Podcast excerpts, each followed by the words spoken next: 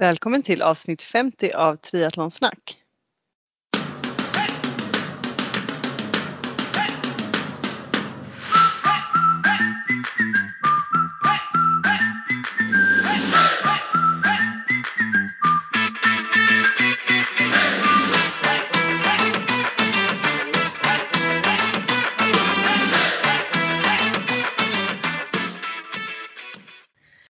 Med mig Sofia och dig Therese.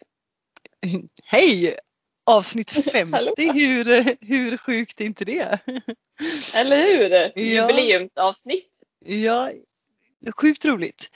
50 avsnitt och typ eh, två år får man väl nästan säga. Jag tror det är två år sedan ungefär vi började podda. Ja, vi har haft några bonusavsnitt. Sen har vi även Mm. haft haft något kort uppehåll så att det blir nog ganska exakt två år. Två. Ja, Eftersom vi har släppt varannan vecka. Ja, det är lite sjukt. Ja, Eh, kul! Många riktigt personer har vi intervjuat. Vad sa du? Många personer har vi intervjuat. Många personer ja. Och väldigt, alltså, väldigt eh, lärorikt tycker jag framförallt det har varit. Så mycket grejer man har fått. Kul att träffa så mycket olika personer och så mycket Ja, ja, input man fått av alla.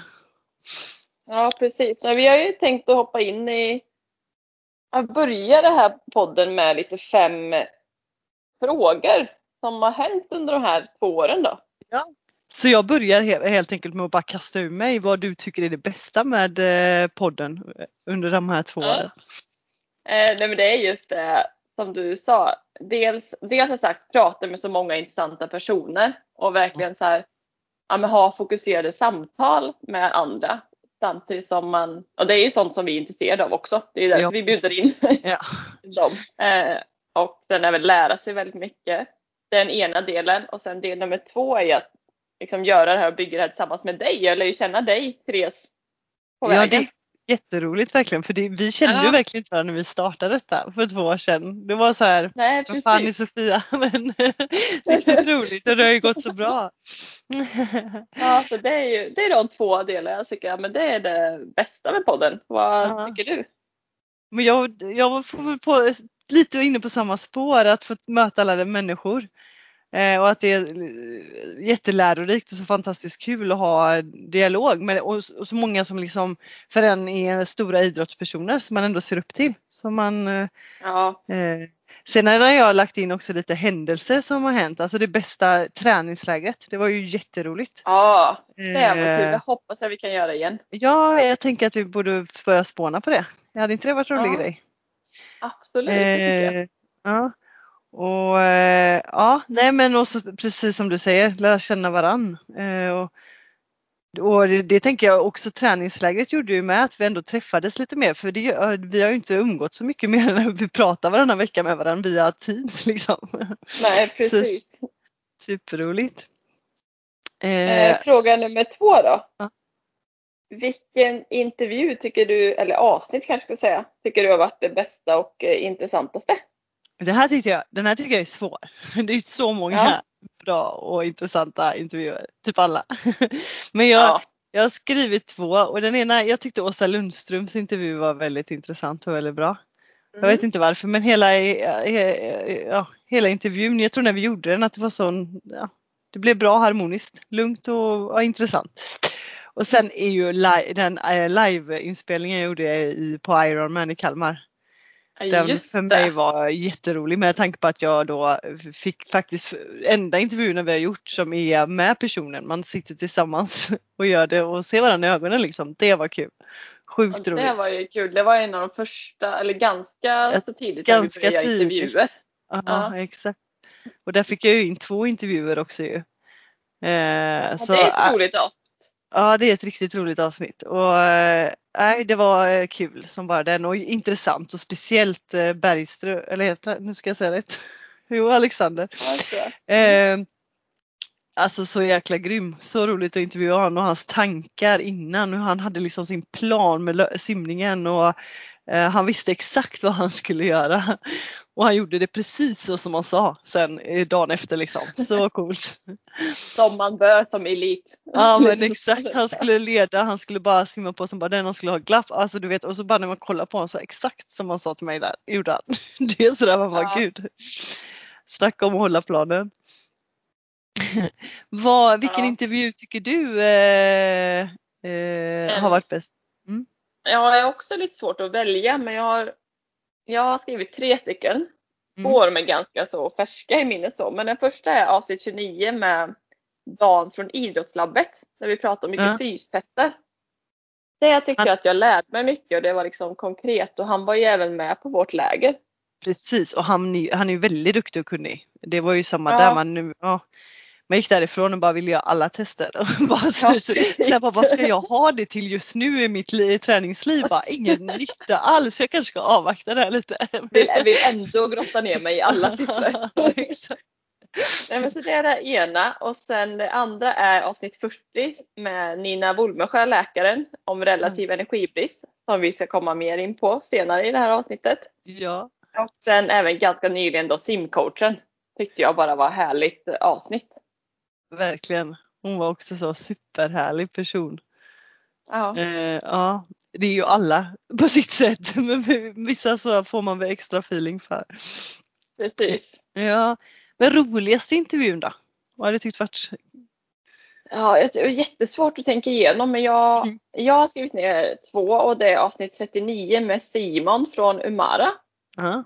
Och det var mycket för att han var så himla pratglad och passionerad. Över det han, Mm. pra- han ville inte sluta prata. Nej. Vi pratade lika mycket innan. Jag, jag måste också, Innan inspelningen till Ja. nästa. Eller som- på tal om att prata då, så har jag också tagit en sån, det var ju Jonas Bår. Han slutade ju heller aldrig att prata. Vi bara så här, vi måste ta bort frågor, vi kommer få sitta hela natten. På ett härligt sätt, alltså han var underbar men, men Ja, men man älskar den här glöden. Ja. bara liksom går igång på sina ämnen. Ja, Eh, helt Det fantastiskt. jag var kul. Och sen även den senaste då, Anna Haag har skrivit också. Tyckte jag var Mm. väldigt roligt. Hon var väldigt skön och liksom lätt att prata med och ändå Mm. väldigt mycket matnyttigt. Och, Ja, Ja. men verkligen. Och jag har faktiskt skrivit Ja, har du- med, eh, jag har skrivit, eh, de här två går lite andra men My First Iron Woman, Helene Ja. och Power by Lisa. Och det handlar ju mer om att det verkligen var skratt och flams. Det var ju väldigt skratt, roliga avsnitt i den, i den bemärkelsen. Ja, och Eh, du de är- känner väl dem lite också eller? Ja det gör jag ju båda två men eh, verkligen sådär, eh, de är, mm, man gick ju inte från det, inte, den intervjun ledsen direkt. Nej, nej precis. Utan det var riktigt roligt. Man hade sk- Ja, ont i är skrattmusklerna. Två kvinnor som sprider mycket energi och glädje. Ja, alla fall. verkligen. Men eh, nästa fråga har jag, skrivit lite vilka är du mest starstruck på? Jag vet inte om du får tolka den. Ja, största idolerna. Det, ja, eh, och då har jag väl skrivit Anna Haag för min del då. Det är väl utan tvekan.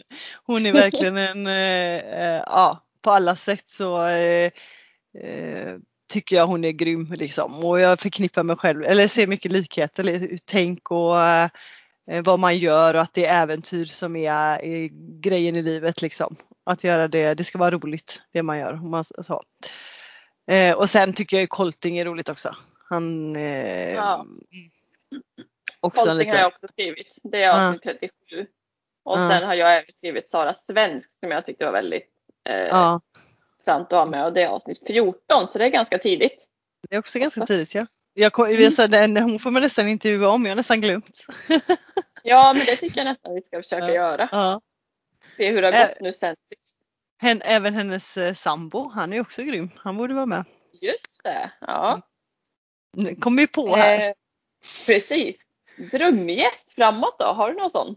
Alltså jag har inte skrivit något. Jag, jag, ja det är klart jag har men jag, de dök inte upp i huvudet så här bara. Men jag tänker att någon riktigt stor eh, triatlet hade ju varit roligt. Alltså verkligen eliter. Ja, Ja, jag- vi jag har ju vi har haft eh, Åsa då.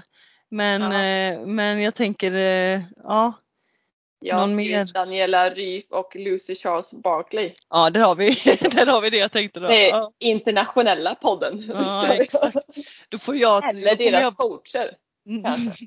Eller något sånt. Får, kan vi ha en tolk till mig då? Jag är så jävla dålig på engelska. Eller jag förstår, det är värre att eh, du, ja precis, jag kan lyssna så får du prata. Det kan ju bli lite hackigt liksom med engelska när man, innan man kommer igång. Men, Ja. ja, men det vore coolt att intervjua någon av dem. Ja verkligen, men varför inte? Får, eh, får Alltid fråga. Nej, det är väl inte eh, helt omöjligt tänker jag. Nej, kanske inte. Nej. Men om vi bara så, det, kul! Det var eh, roligt att minnas tillbaka lite och få tänka vad heter det, vad man har gjort för intervjuer och vilka vi har träffat och eh, eh, ja. Och vi har ju ganska mycket bra intervjuer så jag tycker att ni som lyssnar ska gå tillbaka i arkivet och kolla om det är någon som ni är intresserade av eller kanske någon av dem som vi har tipsat eh, om nu. För det finns ju mycket lagrat. Liksom. Verkligen. Gå in i arkivet och bläddra. önskar, ja, många som önskar nya gäster till oss har vi ju redan intervjuat. Ja. Det kan ju vara bra att kolla bakåt. Och har ni någon ni vill att vi ska intervjua så shoot, skriv till oss. Vi Yes, vill eh, gärna ha tips. absolut. Ja. Hur har veckan sett ut då? Hur, eh, har du gjort något Ja. roligt? Jag har sett att du har åkt mycket skidor. Det är ju asroligt säger jag då. Låt mig höra mer. citationstecken åkt. Jag har tagit mig framåt i alla fall. Eh, Men vi har ju jättekallt och snö här. Så att jag har tagit fram de här, min brors gamla skidor. Så jag har åkt på dem tre gånger nu totalt. Idag körde jag en mil distansrekord. Men jag känner mig ju som liksom så här, jag är halv panik hela tiden och typ Bambi på hal is. Så jag har inte koll på fötter och ben och det Det ska vi Alltså, lösa om några helger här. Så, ja. ja. Fort det svänger så blir jag helt så här, vad ska jag göra? Skidorna glider hit och dit. Men jag ser ju hur härligt det ser ut för alla andra så jag har förhoppningar. Ja.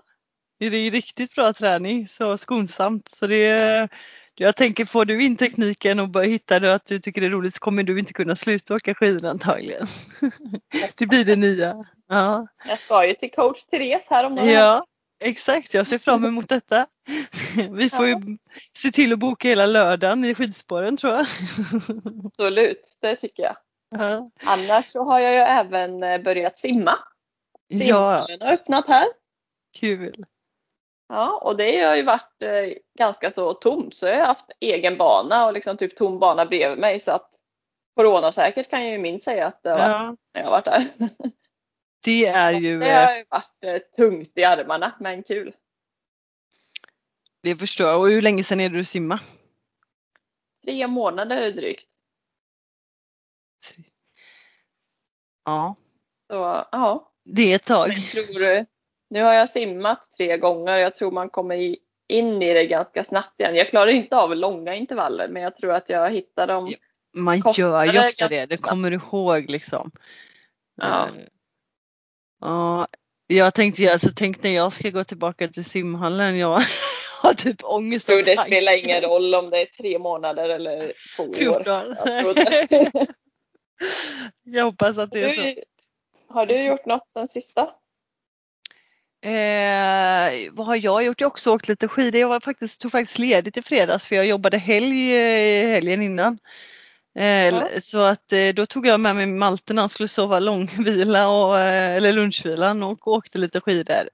Vi har, jag, jag har ju inte det så, alltså, vi har inte så mycket snö här och i fredags hade vi nog ingen snö.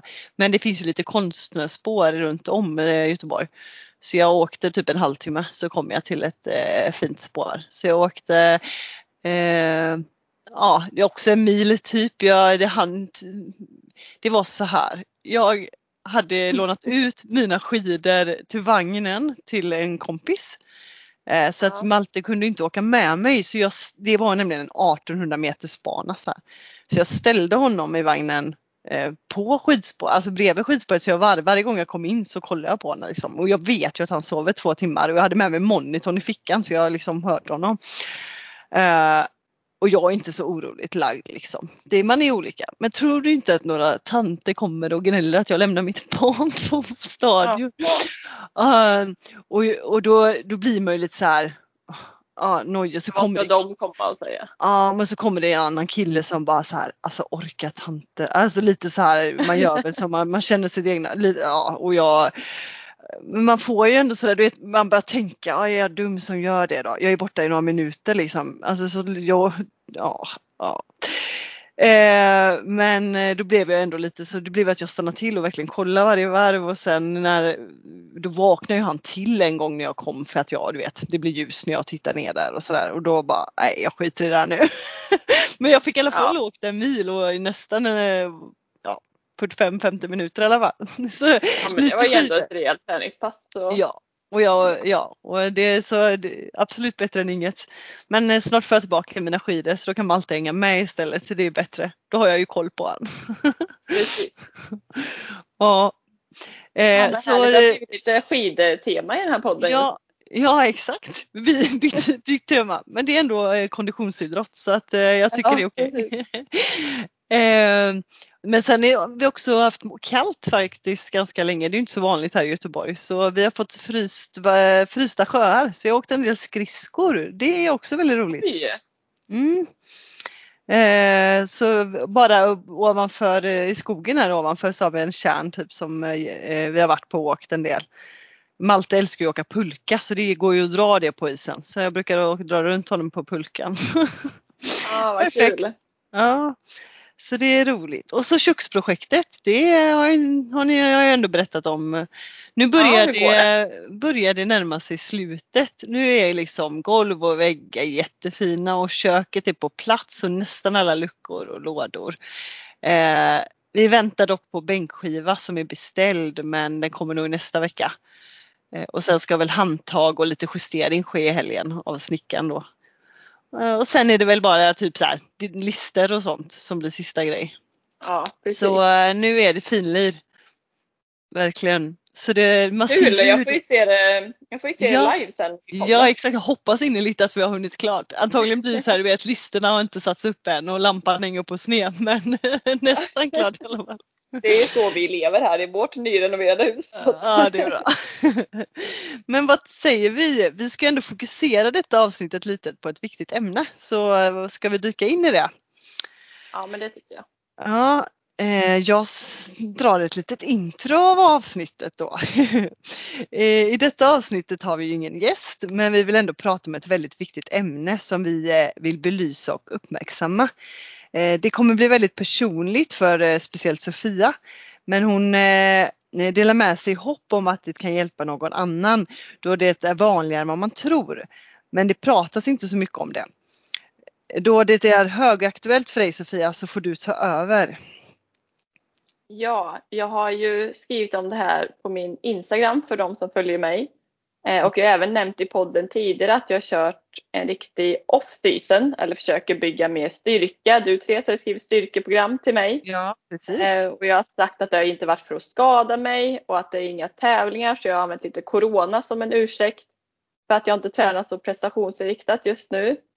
Vilket delvis stämmer. Men jag tänkte väl egentligen det här avsnittet berätta om den egentliga orsaken till att jag inte tränar prestationsinriktat just nu. Ehm, Så jag vill berätta vad jag går igenom nu när jag är faktiskt mitt i det istället för som många andra gör berätta när de har lyckats bli helt friska. Det är Så väldigt starkt har- av dig ska jag säga att göra det. Det är inte Ja. helt lätt när man är mitt i det.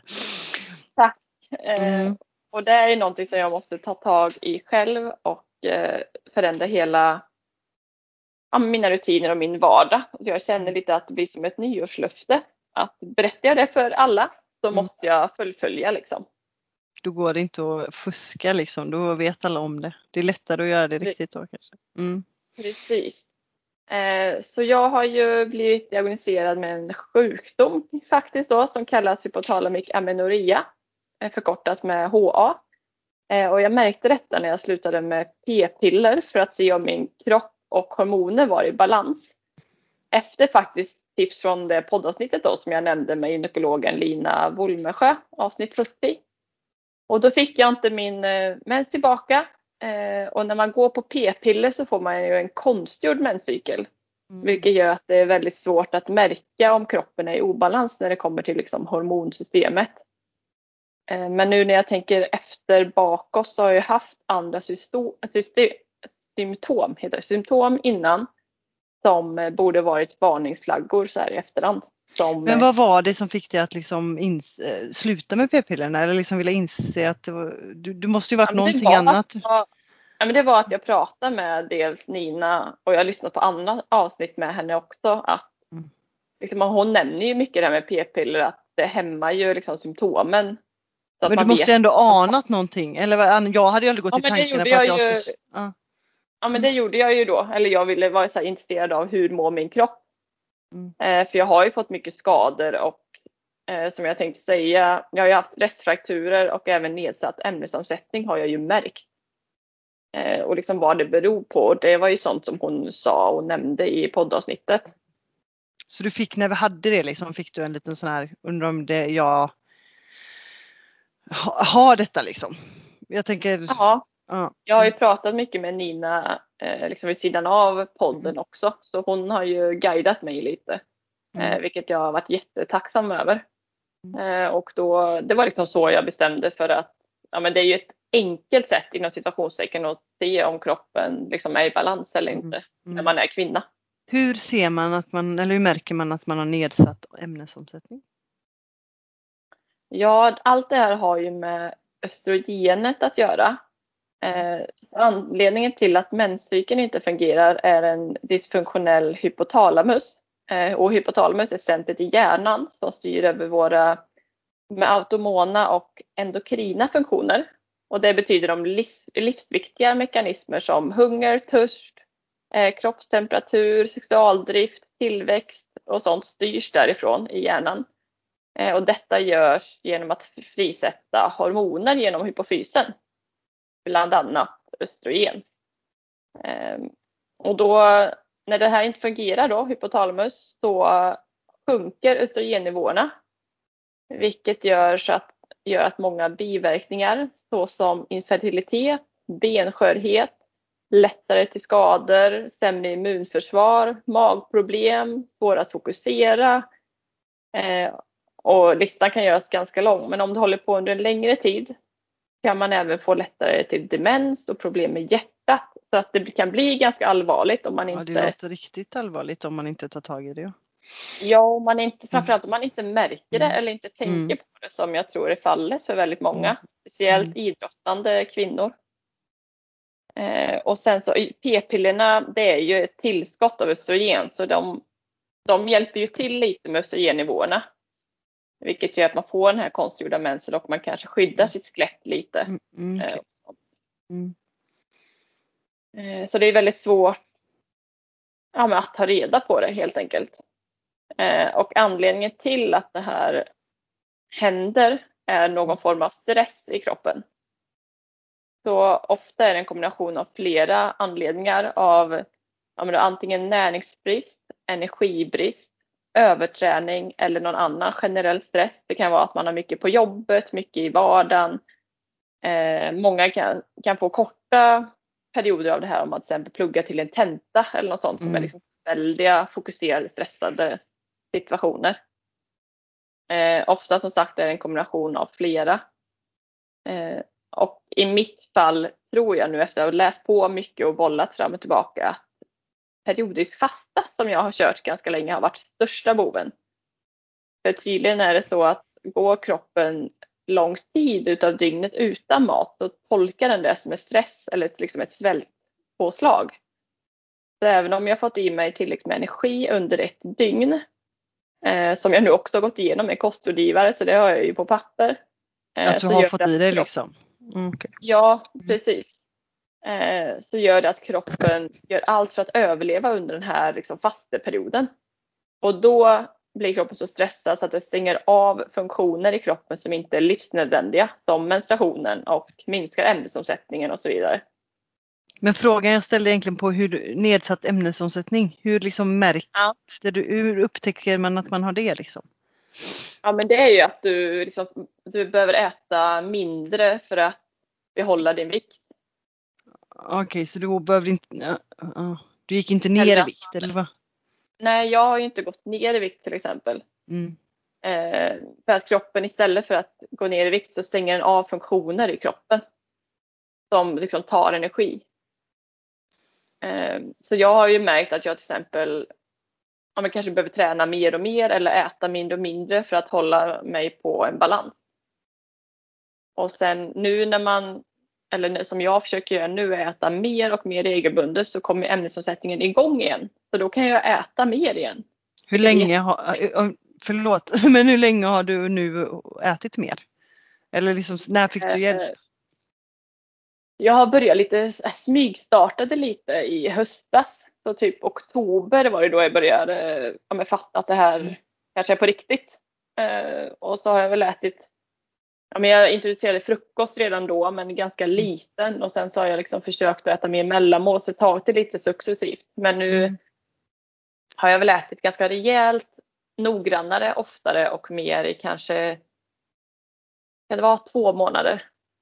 Märker en du något resultat redan eller skillnad på kroppen?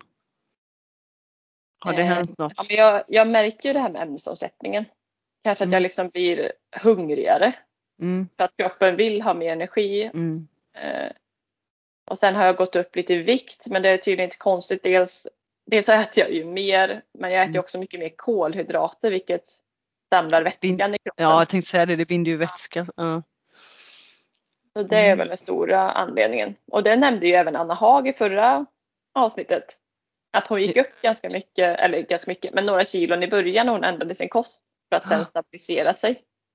Exakt. Jag hoppas ju att det hända Ja. också. Och jag tänker att det, när du väl har kommit i balans också och börjar sen kunna komma igång med din vanliga träning så kanske det också gör skillnad. Eh, för nu, du har ju Ja, både det- ökat kosten och minskat din intensitet liksom. Eh, det- men vad fick dig att söka hjälp? Alltså, Eh, ja, alltså fick mig att söka hjälp.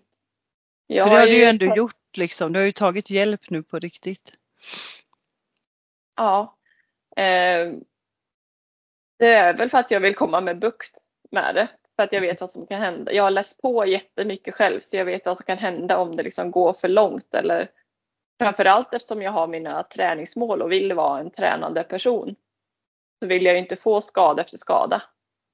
Eh, så på så sätt har jag ju velat göra allt jag kan för att bli frisk så snabbt som möjligt egentligen. Det är klart. Men det har, det har varit ett, eh, det var ett riktigt wake-up call. När jag, för jag, jag mådde ju faktiskt bra innan. Så det har varit det svåra. Jag har ju trott att jag gjort det rätta för min kropp och jag har känt mig stark och jag har känt mig pigg. Mm. Eh, många som har relativ energibrist eller hypotalamic amenorrhea då är ju liksom trötta och slitna och känner många fler symptom än vad jag har haft. Eh, men det är tack vare att jag märkte då att menstruationen slutade när jag tog bort p-piller som var liksom den stora röda flaggan och då föll andra bitar på plats. Har den kommit tillbaka eller tar det längre tid? Jag tänker att det kan ta flera månader kanske än bara två, tre eller vad det är. Då. jag skulle väl an...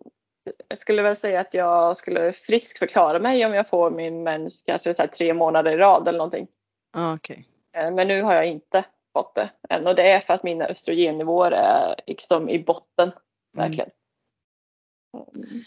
Men hur mår du nu när du vet vad som är fel? Alltså när du har fått eh, eh, egentligen diagnosen. Eh, alltså du mådde ju Ja. bra innan. Du, du säger ju att liksom, du var inget, du var inget du kände dig frisk och mådde bra. Jag, ja precis, jag känner mig inte sjuk fast min Mm. kropp är sjuk.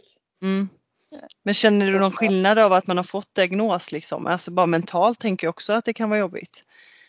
Ja det är ju främst mentalt som det är jobbigt Ja. för jag behöver ju ändra hela min, hela min vardag i både Mm. hur jag äter och hur jag tränar vilket är en stor del av min vardag. Liksom. Men jag, det måste ändå kännas skillnad i kroppen också av att inte träna lika mycket och, och äta mycket mer. Att du får en annan känsla i din kropp. Ja ja.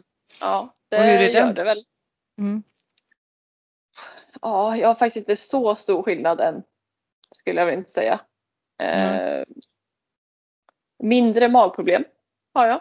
Mm, det Jag har haft väldigt mycket problem med magen. Eh, Mm. Vilket jag har gjort att jag har liksom gjort periodiska fastan och så. För jag har känt att när jag äter mer sällan så har det blivit bättre. Men nu är det tvärtom. Nu när jag Mm. äter oftare så har det blivit bättre. Så det kan vara ett tips till sådana som har magproblem. Om man nu äter väldigt sällan och stora måltider. Till exempel. Det är bra. Mm. Eh, ja, men så som jag också har delat med mig av på Instagram så perfekt passande i just den situationen jag är i nu så är jag ju med i ett projekt som handlar om just det här som heter Fuel-projektet. som är om kvinnlig uthållighetsidrott och relativ energibrist. Eh, så där, i och med det här projektet, så får jag liksom professionell kostrådgivning av den kostrådgivaren då som Anna Hag nämnde i förra avsnittet. Ja, det är ju riktigt roligt. Mm. Och vid sidan av det så kör jag även min, min egna utredning liksom med läkare med blodprover och se eh, för att det går, så att det går åt rätt håll. Men det är ju en väldigt lång process och tålamod är ju inte min bästa vän. Du får öva på det. Ja, Eh, Men det hur svårt. kom du? Ja, vad sa du? Det är svårt att veta om det jag gör hjälper även om det på pappret ska hjälpa. För jag har ju ändrat ganska mycket. Mm, och det man ändrar mycket så är det också svårt så här, vad eh, har hjälpt och vad har inte hjälpt när man gör mycket på samma gång. Ja, Eh, precis. Men i detta fallet kanske är det du behöver, alla grejerna liksom. Men jag undrar, Ja. hur kom du i kontakt med detta projektet och hur kom du i kontakt med eh, Anna Hags eh, kostrådgivare? Eh, projektet, jag tror faktiskt det bara var så att jag var med i någon, någon av alla Facebookgrupper jag är med i så ansökte de kvinnliga konditionsidrottare eh, som var intresserade att vara med i det här projektet. Mm. Eh, så ansökte jag och kom med. Så det var inte jättesvår, mycket svårare än så. Jag fyllde i en ansökningsblankett liksom. Eh, och i och med det projektet så blev jag tilldelad en dietist eller kostrådgivare och det var hon samma. Så jag, där hade jag egentligen inget att Nej men okej, men vil- vilken kvinnlig uthållighetsidrottare som helst eller var det förknippat med att du skulle ha, ha energibrist? Eller Nej, det var nog vem som helst. Ja, okej. Men de är ju ute efter att jag antar att det de vill bevisa är att väldigt många kvinnor lider av energibrist Mm. för att prestera optimalt. Sen behöver ju inte Mm. alla bli sjuka eller vara sjuk som Nej. jag är. Nej. Utan det finns ju väldigt många olika nivåer och jag, jag hade ju redan egentligen tagit reda på att jag är sjuk när jag fick svar att jag kunde vara med i projektet men det Mm. ansåg de inte vara några problem. Eh, Så att jag är väldigt tacksam över att jag får vara med ändå. Ja, det är ju jättekul. Ja. Ja, precis. Eh, Men det som jag har ändrat förutom kosten idag faktiskt så har jag ju lagt upp allting jag har ätit enligt vad kostrådgivaren har sagt på Instagram. Så där kan man kolla highlights. Jag sa det, jag, jag sa att det, jag tyckte det var helt hemskt när man bara ser att du lägger upp att du 150 gram det här, 10 gram det här. Jag bara, åh gud jag orkar, panik. Ja, jag har ju aldrig vägt eller mätt mat innan. Det är svinjobbigt. Alltså hur pallar folk? Jag Nej. vill bara ösa på grejer. Ja, ja exakt så jag med. Jag äter det som jag tills jag blir mätt. Alltså, Ja. kul. Nej men så det har varit eh, svårt faktiskt. Mm, Eh, Men som sagt, jag och min kostrådgivare då gick igenom en liksom, ideal dag, hur det skulle se ut med den träningen som jag gör. Så det är det jag försökte göra idag, att verkligen följa det till punkt och pricka. Eh, Så det har ju varit kul faktiskt. Men så det går att se på min Instagram i en sån här highlight som heter Fuel-projektet. så bara gå in och kolla om ni vill se vad man ska äta för att ha optimala kosten. Ja, det gäller ju mig då. Och det Ja, är det är så här, vi har ju försökt öka mina kolhydratintag men vi har ju inte kunnat öka det till maxen för då skulle min kropp gå bakut liksom. Så vi har ju ändå fått ta det lite successivt från att äta väldigt lite kolhydrater. Ehm, Men träningsmässigt då, den skillnaden Mm. jag har gjort det är ju fr- främst för att träning, speciellt pulshöjande träning är ju en stress för kroppen. Mm. Eh, Så jag har tagit bort all löpning, vilket jag saknar jättemycket. Mm. Men längdskidor har du lagt till här. Och i, i zon, jag hoppas inte du är över zon 2 när du åker längd. Du, jag hade på mig min klocka idag min träningsdagbok sa att jag, jag åkte ju skidor i typ en timme och tio minuter. Fyra minuter av dem räknades som träning. det är bra. Det är lagom. nej, jag har, jag har för dålig teknik än så länge för att det ska räknas som träning. Men eh, så jag tar bort all löpning och all intensiv träning. Så som du sa, allt över zon 2 har jag tagit bort. Ja. och jag har även minskat voly- volymen ganska mycket. Och lite av konditionsträning har jag ersatt med styrketräning för det ska vara bra för liksom östrogenet och boosta eh, med styrketräning. Och sen även lagt till yoga för att stressa ner. Snyggt. Ja, så jag börjar faktiskt gilla yoga lite. Jag har känt mig lite rörligare. För det hjälper ju om man gör lite då och då. Det kan ju du få köra med mig då när, när du kommer hit. För det behöver jag. Jag klickar ju bara fram någonting på Youtube så det är inte så att jag styr mig själv när jag Men kör bara- yoga. Men bara att jag sätter på det på Youtube, det jag lyckas inte komma dit. Jag har sagt det i Ja. många år att jag ska göra detta. Mm. Ja. Ja. Men eh, med anledningen till kostförändringen då är ju att eh, hypofysen som vi pratade om förut i hjärnan, för att den ska liksom komma igång och fungera, fungera igen så behövs inte bara liksom energistabilitet utan även väldigt mycket kolhydrater för det är kolhydraterna som driver de centrerna i hjärnan. Eh, Så det, det värsta är att hamna utan energitillgänglighet i kroppen under för lång tid under dygnet. Eh, Och absolut att inte äta någonting, till exempel när jag tränar på morgonen, att gå direkt från sängen och träna utan jag måste äta någonting, gärna med kolhydrater då innan jag tränar och även direkt efter. Så det här med timing av mat har inte jag varit så jätteduktig på innan. Nej. Och det är väldigt viktigt för att det inte ska gå lång tid emellan. Hur är den här omställningen? Alltså, eh, jag tänker du har, du har jobbat upp ett sätt som du trivs med att äta. Och så Ja. eh, helt plötsligt så blir du tvingad att äta på ett helt annat sätt. Eh, tycker du Ja. att det är gott? Alltså gillar du att äta? Att bara, ja, jag får äta mycket mer. Eller är det att det bara är jobbigt? Jag saknar mitt gamla sätt. Jag ville äta så som jag eh, har eh, Ja, ja, satt själv och trivdes jag, är med. van, Liksom. jag är van att äta väldigt mycket på kvällen. Mm. Eh, så här, ganska stora måltider. Så jag har alltid ätit liksom en stor lunch och en stor eh, kvällsmat. Liksom. Så det Mm. jobbigaste för mig just nu är att äta en stor frukost. Alltså mellanmålen eh, och så går ganska bra. Och att äta frukost går bra. Men att äta en stor frukost, liksom direkt när jag går upp Mm. och äter någonting, det är det som är svårast. Men det är liksom bara så här öppna munnen och göra det egentligen. Jag, Mm. Du känner inte efter så mycket, du bara gör. Du bara gör. Ja. ja, men jag måste nästan. Jag kan inte Mm. tänka efter. Nej. Ehm, Men du tycker Alltså- ändå att omställningen fungerar ändå? Det fungerar bra? Ja, det är ju Mm. mycket vanor. Så liksom, ju mer tiden går, just, ju vanare blir jag. Alltså, nu är Mm. jag van att äta mellanmål till exempel. I början var det jättesvårt. Framförallt att komma ihåg att Mm. göra det. För det är jag liksom inte van att göra det. Och sen skulle jag så här, åka iväg till, ja men om jag skulle vara instruktör eller något. Så bara, nej fan jag har inte ätit någonting. Och så måste jag Nej. liksom eh, bara få in rutinen. Men det behöver inte Eh, alltid vara så krångligt kanske. Alltså, för jag såg bara du la upp idag att man tre riskakor med jordnötssmör. Eller, alltså, hade, räcker det att ta en banan, då hade jag kanske lyckats. Men jag hade aldrig lyckats om jag var tvungen att göra massa komplicerade grejer eller förbereda. Nej, nu har det ju nu har det varit så att varje måltid då måste, eller har hon Petra då, kostrådgivaren, Mm. kollat så att det blir tillräckligt med kolhydrater. Mm, Eh, Så därav liksom tre riskakor och banan och jordnötssmör. mm, Eh, Och si och så många gram och jag har liksom lagt till, jag får lägga till knäckemackor till typ varje måltid för att jag kommer inte upp i antal kolhydrater annars.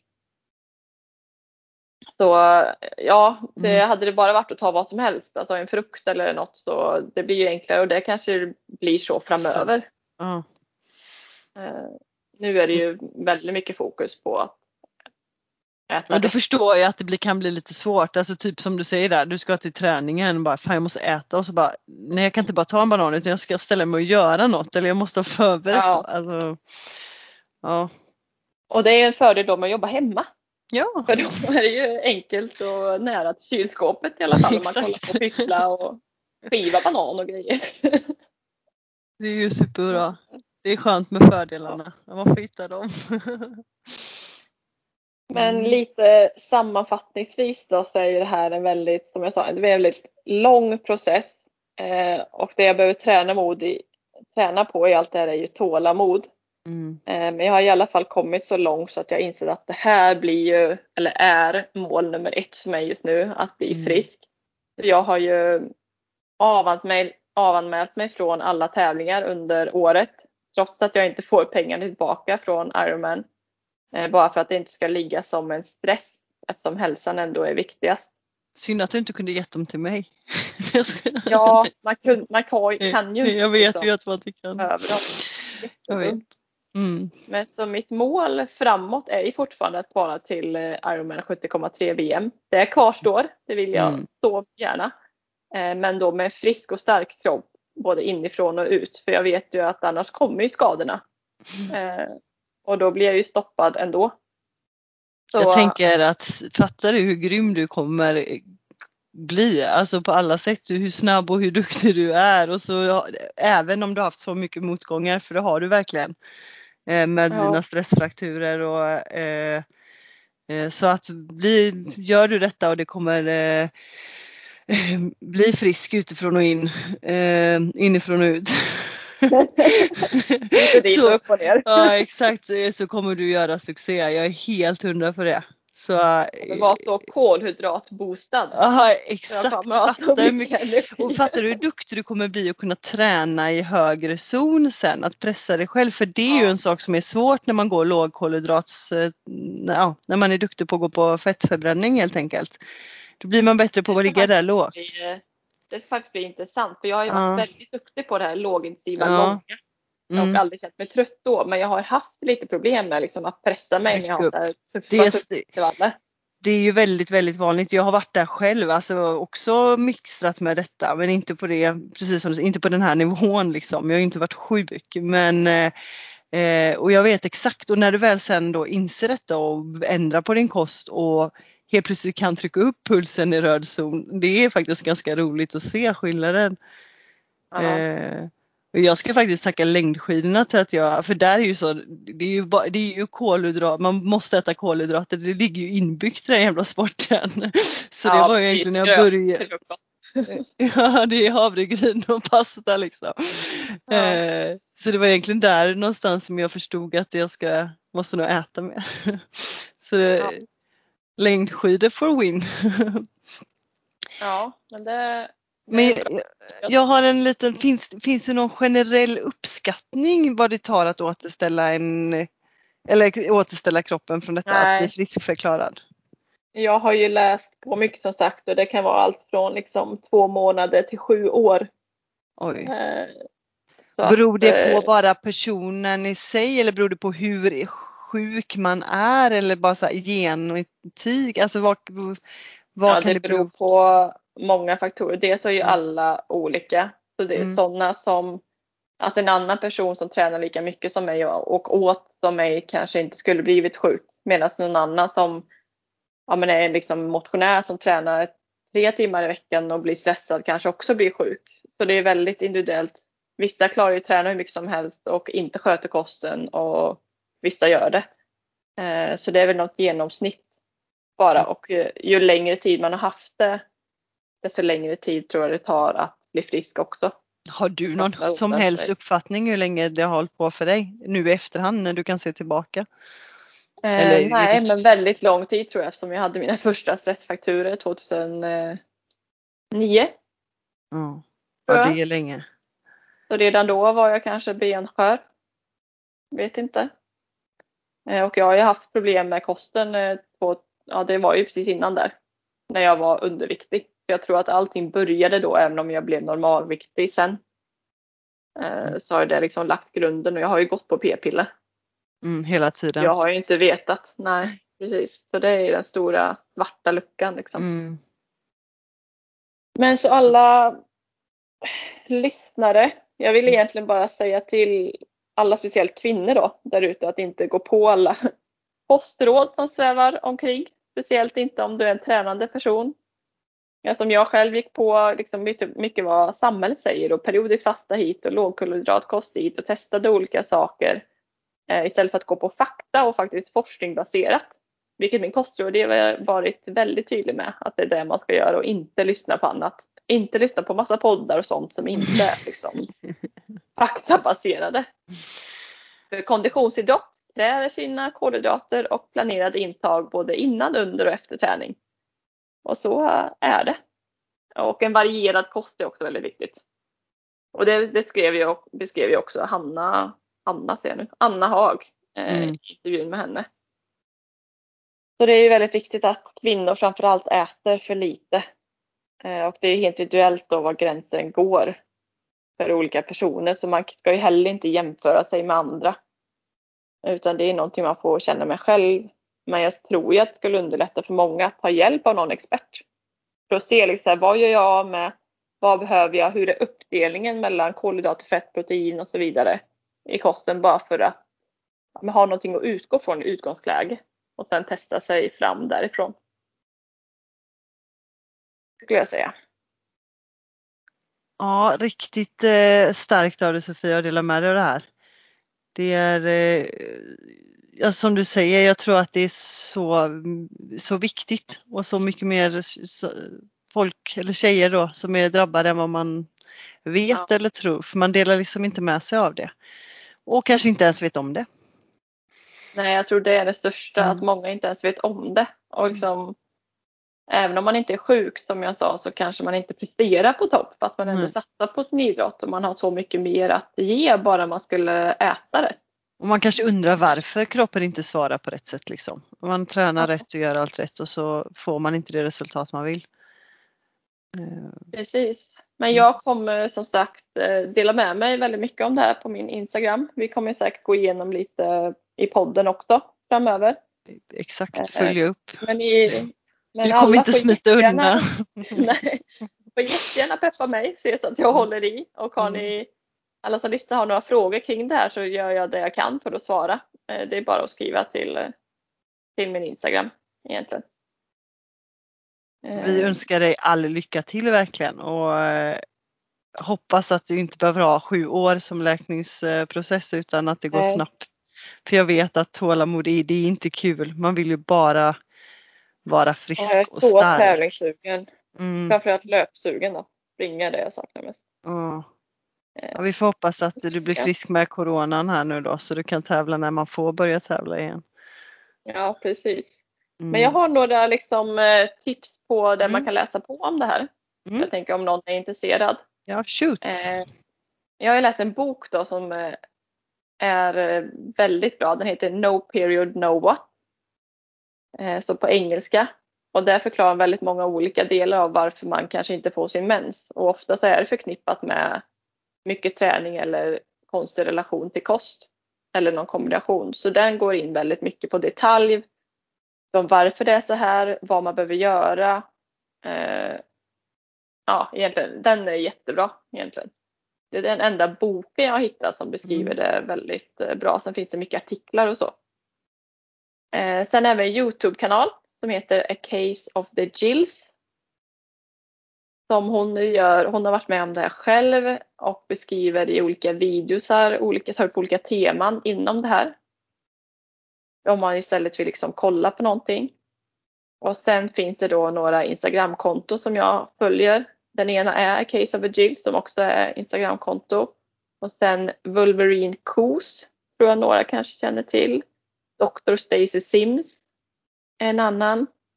Och sen Period Nutritionist är en och sen även No Period No What finns. Och sen har jag även nu kommit på att det finns en som heter Women's Strength med två tjejer i Sverige som har eh, ja, skrivit en bok om det här. Om liksom mensbortfall och vad det kan vara. Så där kan man ju läsa på. Jag har inte läst den själv men den är säkert bra. Och sen får ni gärna fråga mig om det är någonting. Jag är ju jätteintresserad av det här ämnet nu. nu ja, precis, nu är Sofia proffs så vi kan ja, fråga ja. dig alla frågor. Jag har ett Instagramkonto här, Sofia Hager. Ja, Nej, men det jag tycker är jätteintressant och just det här att ja, men det är inte så många som vet om det och även när jag har gått hos läkare och så, det är nästan jag som har fått sagt till, till dem, men jag tror jag har det här. Mm. Kan ni kolla upp det? Det är ingenting de skulle säga till mig först. Nej. Eh, så att kunskapen är liksom inte så bred, vilket jag tror eller tycker bör ändras. Ja exakt och det är ju också en risk liksom när man inte man blir istället diagnoseras med något annat kanske. Bara ja, för, ja. precis. Mm. Ja, kunskap det, behövs. Det var hela det personliga biten. Vi tackar igen. Alltså verkligen. Det, jag tror jag vet verkligen... inte om det lät så konkret det här avsnittet men nu har jag liksom babblat ut det i alla fall. Det var, jag, jag då tycker det var superbra och jättehärligt av dig att vi får ta del av det. Och vi ska stötta dig. Jag och alla lyssnare. Precis. Ska vi göra så att vi ska hinna med någon uh, lyssnarfråga? Precis vad jag tänkte säga. Ska vi runda av med någon lyssnarfråga som vi har fått in? Ska vi ta? Ska du ja, välja en? Nej, börja du och välja kände jag. Så tar jag väljer jag en då. Mm. Eh, teknik, tekniktips och bra att tänka på till någon som är nybörjare på längdskidor. Wow! Så passande. Nej men jag skulle säga att längdskidor är väldigt, väldigt mycket balans. Eh, Så att eh, öva mycket enbensövning. Om man ska ta utan skidor då så är det mycket enbensgrejer du ska öva. Gör helst enbensutfall på gymmet och lyft ena benet och mycket draken och balansövningar liksom. För längdskidor är sjukt mycket balans. Eh, och på skidor så åk utan stavar. Eh, diagonala utan att ha stavarna.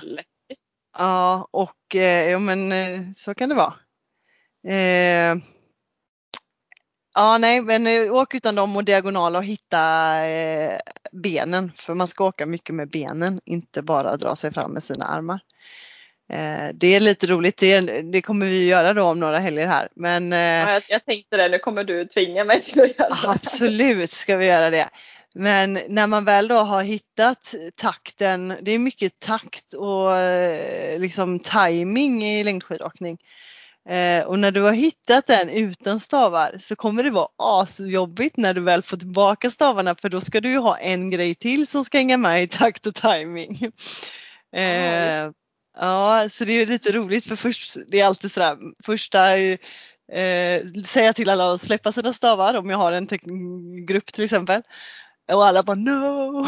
Och så gör man lite övningar och åker och så får, det är det jättekul och så kommer de in i det.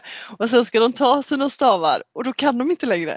Det är som att de här stavarna förstörde allt vi precis hade lärt oss. De bara, jag vill inte ha de här längre. och det här handlar ju just om diagonalen då när man, eh, när man går Ja. fram och tillbaka. Eh, så det är verkligen typ uppvärmning första med fem minuterna och åk utan stavar. Ja, du Eh, får eh, coacha mig i alla fall som om jag vore en åttaåring. Ja men absolut, jag är, vi ska börja från början.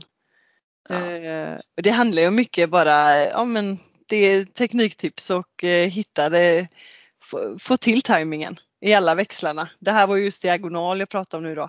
Min egna favoritväxel är ju stakning så den ska vi absolut jobba på. Ja, eh, jag ser Jag fram emot det med skräckblandad förtjus- Ja. förtjusning.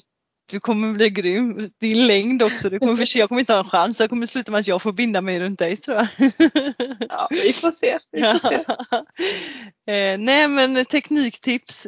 Eh, ja ett tips är ju då börja, diagonala utan stavar för att hitta balans, hitta timing. Eh, stor armpendel. Handen ska hela vägen fra, upp framför ansiktet och släppas bakåt. Du ska överdriva den och ha ett gung. Eh, får du till det och trycket ner i skidan, det är då du får fäste och kommer åka framåt. Eh, Men det är svårt att sitta här och berätta, man vill ju visa hur man ska göra. Mycket är ju, det går ju inte att prata fram hur det ser Nej. ut. Liksom. Ehm, ja, det skulle jag vilja säga. Jag Ja, kan ska vi ta, Ja, ska Ska vi ta ta en någon- lyssnarfråga till? mm. Jag väljer en då. Mm. Eh, jag väljer en sista. Hur lägger ni upp era cykelpass? Hur får jag som motionär en bra balans i passen? Eh, och det här, jag vet inte om du vill börja svara men jag kan ju tycka att lite så här, det beror på hur många pass man har också. Hur många cykelpass Ja. gör per vecka? När Mm. jag körde liksom prestationsinriktat så hade jag ju två intervallpass, typ tröskelpass och ett Mm. lite längre eller distanspass. Mm. Och jag tänkte säga, hon skriver att hon är motionär här så jag kanske hade sagt två cykelpass då för hon ska ju ändå, om hon är triatlet, också simma och cykla eller och Ja. springa. Precis. Eh, så generellt då, då hade jag kanske lagt upp ett intervallpass som är hårt och intensivt och liksom inte så långt. Eh, och sen ett eh, långt distans eller längre distanspass där du ligger lägre i zon Ja. och ute och trampar liksom. Eh, men sen kanske man periodiserar det också och har med cykeln som fokus någon period. Eh, och då, alltså det beror på om cyk- cykel är ju också den, eh, tänker jag, den eh, gren Där man kan där- vinna mest tid. Ja, där kan du faktiskt få, om du vill ha mycket träningstimmar på en vecka så är ju cykel där du kan samla på dig mycket träningstid. Det är också Eh, väldigt skonsamt i jämförelse med löpning då till exempel. Så man kan ju ofta cykla mycket. Exakt. Eh, det jag ville säga egentligen. Så att där vill du ha volymveckor så cyklar du ju mycket skulle jag säga. Mer distanspass och även hårdare pass. Ja. Eh, för det är där du kan få volym. Men som standardvecka för en motionär så skulle jag nog säga ett intervall och ett eh, långpass. ja, och intervallpassen behöver ju inte vara så långa. Nej, de ska inte vara långa. De ska ju vara hårdare Nej. heller då. Precis. Mm. Så säg att man har den runt, alltså passet är runt en timme men effektiv intervalltid där du är högt i zon det kanske är, handlar om 20 till 30 minuter totalt. Ja. Precis, och sen de här långa passen kan man ju bygga på allt eftersom. Eh, så sen när det liksom är varmare ute så kan de ju bli lite längre. Exakt. Det är inte så kul att sitta för fem timmar på en skojar. Men det är lättare att vara ute och cykla x antal mil liksom. Ja. Så är det. Ja, men det var väl bra svar tycker jag. Ska vi dra nästa avsnitt och Ja, det, ska jag dra det? ja, kör du. Eh, vi ska ha eh, plats, eh, Stockholms platschef ska man säga från, eh, på Activitus, Johan Hasselmark. Han är ju multisportare och ultralöpare. Håller även på med triathlon. Eh, men Ja, multisport precis. kanske ingår i triathlon, jag vet inte. Ja. Eller triathlon ingår i multisport. Ja, Eh, ja, så eh, det ska bli riktigt kul att höra honom. ja absolut. Ännu en Så- intressant intervju. Absolut. Vi har många intressanta planerade framöver här. Ja, ni vet. verkligen. Ja, exakt. Men då ska vi avrunda avsnitt 50 här nu då. Ja, jubileum och allt. Exakt. Skålar vi i in på- champagne här? Nej, det gör vi inte. Vi borde. Det är kanske är det vi får göra när du kommer hit och hälsar på. Absolut. Ja, Men eh, gå gärna in på Triathlonsnack på Instagram och följ och ge era åsikter. ja lämna, Så- lämna förslag och om du har något till Sofia här i poddens ämne så skriv. Vi svarar. Men vi tackar väl för oss då. Ja, tack för idag!